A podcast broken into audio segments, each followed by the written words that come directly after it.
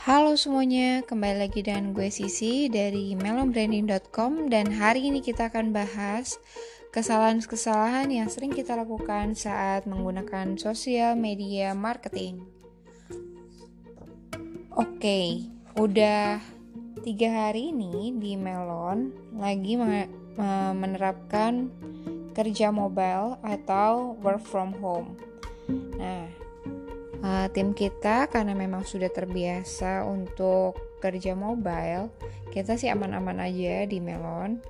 Tapi malah klien-klien kita yang kelabakan. Aku beberapa kali nanya sama klien-klien kita uh, gimana di kantor? Ngaruh nggak soal uh, polemik coronavirus ini? Atau kalian gimana? Masih kerja nggak di kantor? Masih datang ke kantor nggak? Uh, terus yang perjalanan jauh dan harus pakai kendaraan umum gimana? Dan mereka menjawab ya gimana lagi? Mereka masih harus tetap ke kantor karena ya sistemnya masih uh, konvensional gitu. Bukan berarti konvensional jelek ya. Banyak banget sih alasan kenapa uh, aku juga buka kantor offline ya karena memang kantor diperlukan. Uh, kantor itu diperlukan ya biar kita bisa berinteraksi satu sama lain satu dengan yang lain sebagai pekerja ya supaya kita tuh kompak supaya kita tuh punya tanggung jawab dan berinteraksi gitu. Karena kan kita makhluk sosial ya jadi kadang tuh beda deh kalau misalnya kita ngerjain sendiri tinggal submit kayak freelance gitu sebenarnya oke. Okay, cuman uh, kalau kita nggak sering-sering ketemu sama dia atau freelance ini pasti kan kita nggak terlalu punya ikatan yang erat satu sama lain. Sedangkan beda lagi dan kita kita nggak cuman ngomongin soal kerjaan di uh, di grup selain kita submit submit atau nanya-nanya di grup tapi kita juga nanyain gimana nih uh, kita mau buat apa sih di sekeliling kita. Kalaupun sampai suatu saat kita datang lagi ke kantor kerja terus apa sih yang mau kita lakukan di kantor? Apakah kita siapin uh, misalnya disinfektan terus dibagi-bagi ke sekeliling kantor kita atau apa bagi-bagi hand sanitizer kayak gitu sih yang kita omongin. Jadi uh, pure bukan soal kerjaan lagi. Ya gue pengennya sih berharap uh, kita sebagai usaha yang berbasis digital yang udah um, menggunakan sarana teknologi sangat uh, ya cukup maksimal lah Uh, cuman kadang kita agak terbenturnya kalau misalkan meeting nih pada masih nggak mau untuk online. Kalaupun mau online, tapi kan tetap butuh untuk tanda tangan kontrak dan lain-lain. Kemarin kita udah bahas sih soal tanda tangan kontrak by uh, digital, jadi namanya ada DocuSign yang digunakan sama GoFood juga untuk tanda tangan tanda tangan kontrak gitu atau perjanjian. Nah, itu mau kita duplikasi juga untuk di Melon. Karena kemarin itu kita terpaksa banget ada adain meeting bukan cuma untuk tanya-tanya sih, tapi karena memang udah harus tanda tangan kontrak kayak gitu. Oke, kita langsung aja ya masuk ke kesalahan-kesalahan yang sering banget dilakukan oleh kita saat menggunakan sosial media marketing. Kita bahas dulu dari pentingnya marketing di sosial media. Sebelum kita ngomongin kesalahan-kesalahan yang marketing di sosial media, kita harus tahu dulu nih, seberapa penting sih strategi ini bagi bisnis kamu? Entah itu perusahaan lama atau startup, sebenarnya marketing lewat media sosial itu penting banget loh. Apalagi di era digital ini semuanya dapat di akses melalui internet dan media sosial.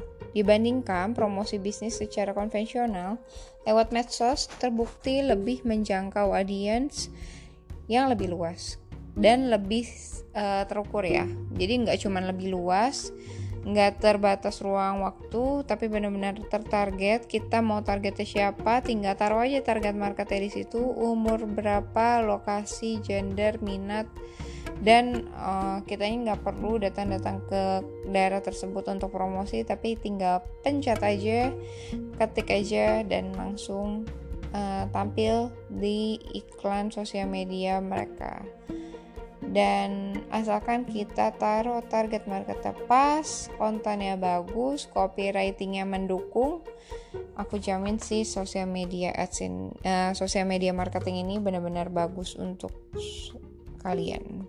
Tapi biasanya yang bagus di sosmed marketing ini lebih ke arah untuk B2C. Kalau B2B uh, lagi-lagi aku saranin untuk pakai uh, Google Ads atau SEO, SEM kayak gitu sih. Uh, jadi lebih baik sih konsultasi dulu ya jenis usaha kalian apa, maunya apa, tujuannya apa. Oke, kita lanjut lagi. Kalau bisnis kita masih tergolong startup, strategi marketing di medsos wajib dipersiapkan dengan matang. Ibaratnya, kalau kita masih anak baru, yang harus kita perhatikan sendiri adalah e, meninggalkan kesan yang baik. Jadi misalnya nih ya, kalau misalnya kita seorang yang startup atau baru mulai usaha dan masuk ke sosial media, kita harus punya brand image yang baik. Kita harus punya kesan bahwa produk kita bagus, uh, dan kita mau bikin campaign apa misalnya tentang produk ini yang bisa berdampak untuk lingkungan juga. Itu sih yang uh, kenapa kita harus membangun brand image kita. Mungkin kalian bukan brand image mungkin kalian personal branding dan sebagainya sebagai uh, profile tertentu entah itu motivator atau konsultan dan sebagainya kesalahan dalam marketing di sosial media. Terus apa aja sih kesalahan yang harus kita hindari supaya um, kita marketing di sosial media ini berhasil? Pertama, strategi marketing yang nggak sesuai sama tujuan bisnis. Itu kesalahan pertama ya. Jadi, uh, buatlah patokan dalam marketing supaya jelas berdasarkan tujuan bisnis yang sudah dipersiapkan. Lewat patokan ini, pesan yang ingin disampaikan ke audiens tentunya akan lebih mudah dan diterima. Langkah lainnya bisa kita lakukan contoh memperjelas konsep karakteristik media sosial yang digunakan. Kita bisa mulai cari warna, tema, desain, hingga masalah caption, copywriting caption maksudnya.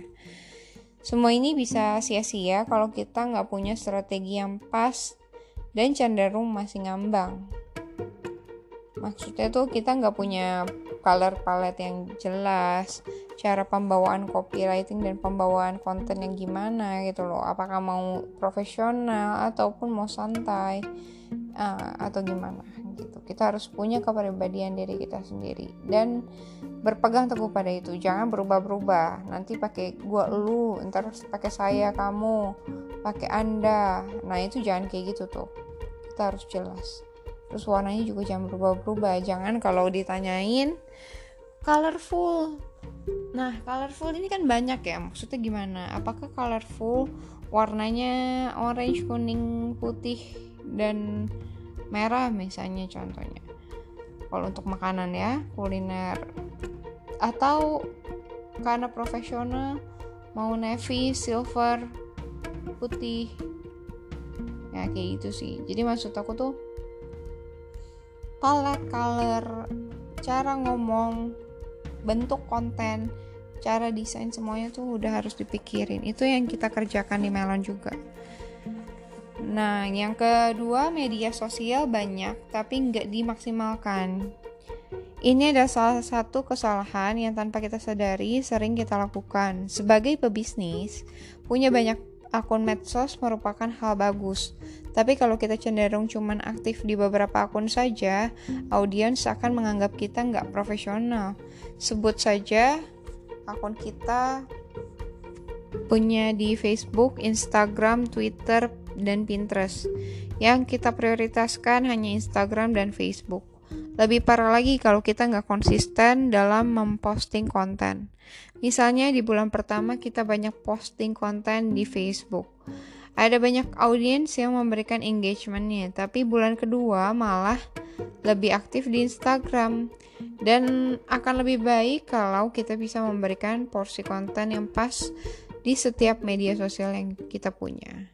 Soal yang ini emang aku suka bahas ya. Lebih baik kalian punya beberapa sosial media saja dibandingkan punya semua sosial media tapi tidak ada yang mengelola atau tidak dikelola sama sekali. Jadi kalau kalian punya dua, ya sudah maksimalkan kedua-duanya. Misalnya kalian lebih fokus ke Instagram dan Facebook, dua-duanya harus diaktifkan. Jangan sampai kalian punya Instagram, Facebook, Twitter, LinkedIn, semuanya, tapi yang diaktifkan hanya satu. Bahkan lebih parahnya lagi sama sekali tidak diaktifkan. Dan kalian harus membuat persona yang pas untuk account kalian. Misalnya nih, kayak di Twitter, cara pembahasannya tidak bisa sama dengan di Facebook atau di Instagram. Begitu juga untuk di Facebook dan uh, di Instagram masih bisa dijadiin satu sih karena platformnya juga mirip. Cuman kalau misalkan di Instagram akan lebih bagus kalau informasinya itu ada pada gambar.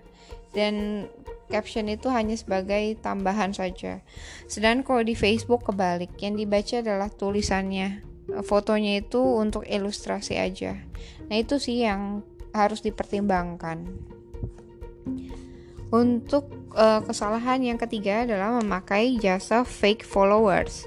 Pernah dengar dong fake followers itu apa? Beli-beli followers gitu. Uh, followers beli followers pun ada dua jenis ya, ada yang aktif, ada yang pasif. Dan ini disarankan untuk tidak melakukan kedua-duanya, tidak membeli fake followers pasif maupun aktif. Jasa yang satu ini membantu kita untuk mempunyai pengikut yang banyak, tapi sebenarnya itu cuma akun palsu. Berkat fake followers yang banyak ini, bisnis kita nggak uh, bakal dianggap sukses dan berkelas oleh audiens. Misalnya kayak kalau misalnya kita beli toko online deh kita pasti cek dulu oh followersnya gila nih udah 50 ribu pasti laku banget nih followersnya eh, bukan followersnya. Pasti laku banget nih barangnya. Karena followersnya banyak kredibel masa sih followers udah banyak gini tapi bohongan? Nah itu sih yang bahaya. Jadi fake followers pun uh, ini ngaruh banget ke usaha Anda ketika ke depannya uh, kamu tuh pada mau ads gitu misalnya. Mau ads mau promosi dan sebagainya. Itu hasil adsnya nggak akan sebagus sama orang yang dari awal nggak pernah pakai jasa fake followers atau beli followers. Karena uh, sekali kamu menggunakan jasa beli followers seperti itu maka algoritma Instagram kamu akan kacau. Custom audience kamu akan nggak tertata baik lagi gitu. Kamu nggak bisa tahu orang-orang apa sih yang suka sama barang kamu? Karena kamu udah kecampur-campur semua sama fake followers itu. Kalau boleh disaranin ya misalnya nih kalau kamu beli fake followers terus kalau kamu ngiklan boost post aja deh biasa. Buka Instagram pencet boost post yang mana yang mau kamu iklan ntar itu ada tulisannya kan mau targetnya ke mana? Ke profile visit ke website DM atau apa gitu kan? Misalnya kamu pilih salah satu. Udah dipilih nih misalnya mau ke profile. Ke profile habis itu uh, pilih audiens kamu. Misalnya audiensnya itu pria, wanita, umur berapa dan sebagainya.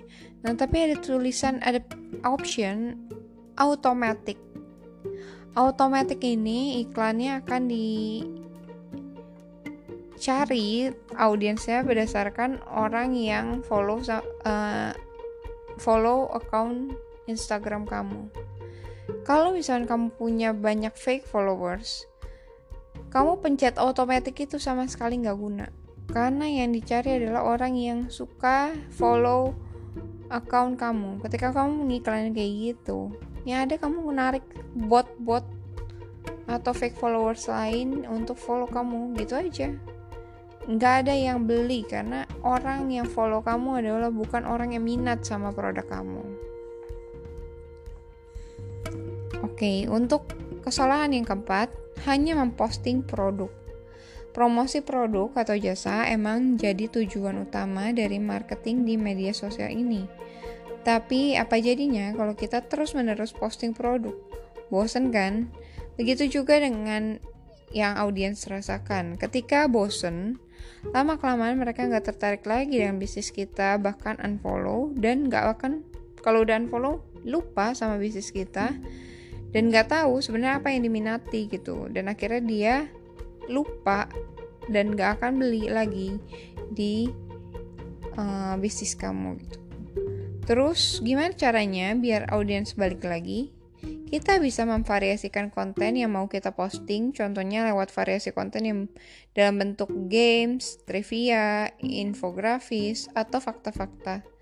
Kita masih tetap bisa mempertahankan strategi promosi produk di akhir caption.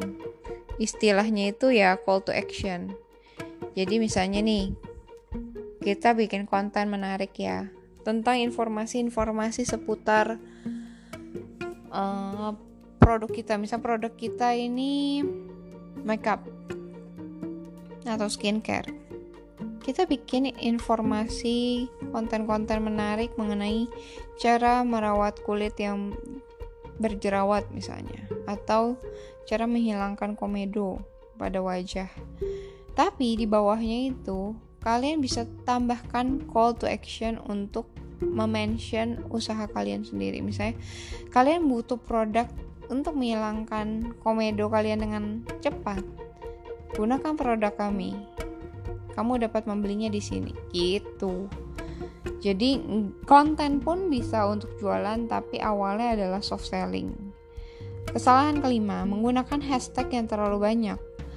Bukannya bikin postingan makin baik, hashtag yang kepanjangan malah kesannya nggak profesional. Idealnya hashtag nggak boleh lebih dari 30, tapi kalau misalkan mau lebih kelihatan profesional, maksimal adalah 10-15. Karena hashtag itu tetap penting dan tetap harus digunakan. Selain itu, usahakan agar hashtag yang kita pakai sesuai dengan jenis kontennya. Hal ini tentu membantu audiens dalam mencari produk atau jasa yang dibutuhkan, sekaligus mempromosikan di uh, bisnis kita sesuai dengan kategorinya. Misalnya, uh, kita akan kalau di Melon ya, kita akan pakai hashtag jasa branding, uh, jasa branding, atau sosial media management, atau digital marketing, sosial media spesialis. Nah kayak gitu aja sih. Tapi nggak akan banyak-banyak. Karena kalau banyak-banyak akan kesannya nggak profesional atau spamming. Tapi tetap perlu digunakan karena itu yang membantu promosi bisnis kalian. Kesalahan yang keenam nggak memperhatikan jadwal memposting. Pengennya sih kelihatan produktif. Tapi kalau kita terlalu sering memposting kita malah akan dicap nggak baik loh. Misalnya kayak spamming atau kayak kamu salah posting gitu. Maksudnya posting di jam berapa malah asal postingnya jadi siang hari karena kamu udah lagi waktu luang. Lalu masalahnya kita memposting dalam jangka beberapa menit. Justru engagement yang dihasilkan gak maksimal. Tunggulah dulu berapa jam barulah posting lagi. Usahakan agar kita punya jasa posting yang jelas lengkap dengan jamnya agar lebih optimal Kesalahan ketujuh, mengabaikan ejaan yang ada pada postingan. Kedengarannya sih gampang ya, tapi sebenarnya yang satu ini masih sering kita lupain nih. Kayak suka nggak apa ya nggak teliti gitu. Bayangin aja misalnya kita sebagai perusahaan ternama, tapi nulis captionnya aja masih salah. Ejaan atau tanda baca atau kapitalisasi. Hasilnya, postingannya bakal terasa janggal dan gak memuaskan untuk audiens atau bahkan jadi bahan bulian. Karena inilah yang kita harus cek ulang setelah pembuatan copywriting selesai atau dalam mendesain gambar. Tujuannya biar biar konten kita sempurna di mata audiens. Ya, at least kalau misalnya kamu udah meminimalisir kesalahan, ya mereka nggak akan ngebully kamu juga sih. Asal jangan sering-sering aja salahnya. Ke delapan Kesalahan ke-8 adalah lupa merespon audiens. Saat postingan kita unggah memperoleh engagement bagus, jangan lupa untuk kita merespon audiensnya. Seperti misalnya komen, atau um, mereka like atau DM, ya jawab aja. Karena kalau misalnya kita nggak jawab, engagementnya pun akan menurun. Sedangkan kalau untuk kita posting nih, lalu di bawah 10 menit banyak yang komen. Kalau kita balasin, maka engagement kita akan tetap naik dan konten kita akan dibantu oleh algoritma Instagram untuk uh, mudah ditemukan dengan orang lain atau bahkan berkesempatan masuk ke explore. Selain membuat audiens merasa dihargai untuk direspon, uh, kita juga punya citra atau image yang bagus. Karena kita peduli gitu dengan mereka. Gak cuma asal posting kayak koran lalu didiamin aja dicuekin aja. Karena media sosial itu komunikasi dua arah bukan searah. Nah kita udah tahu dong apa kesalahan-kesalahan yang sebaiknya dihindari dalam marketing di sosial media berjalan uh, supaya bisa berjalan dengan maksimal. Biar kalian juga paham dan eh, nerapin strategi promosinya itu jadi lebih enak gitu.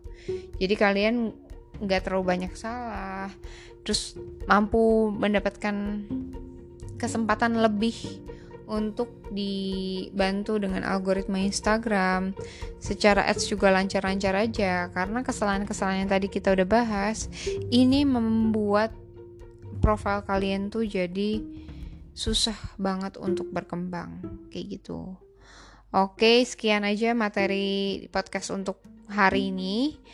Kalau misalnya kalian ada saran, masukan, konten apa yang mau dibahas untuk uh, podcast selanjutnya, bisa langsung direct message kita di Instagram @melonbranding atau lihat jasa-jasa kita sebagai jasa branding di Jakarta Utara. Bisa akses di website www.melonbranding.com.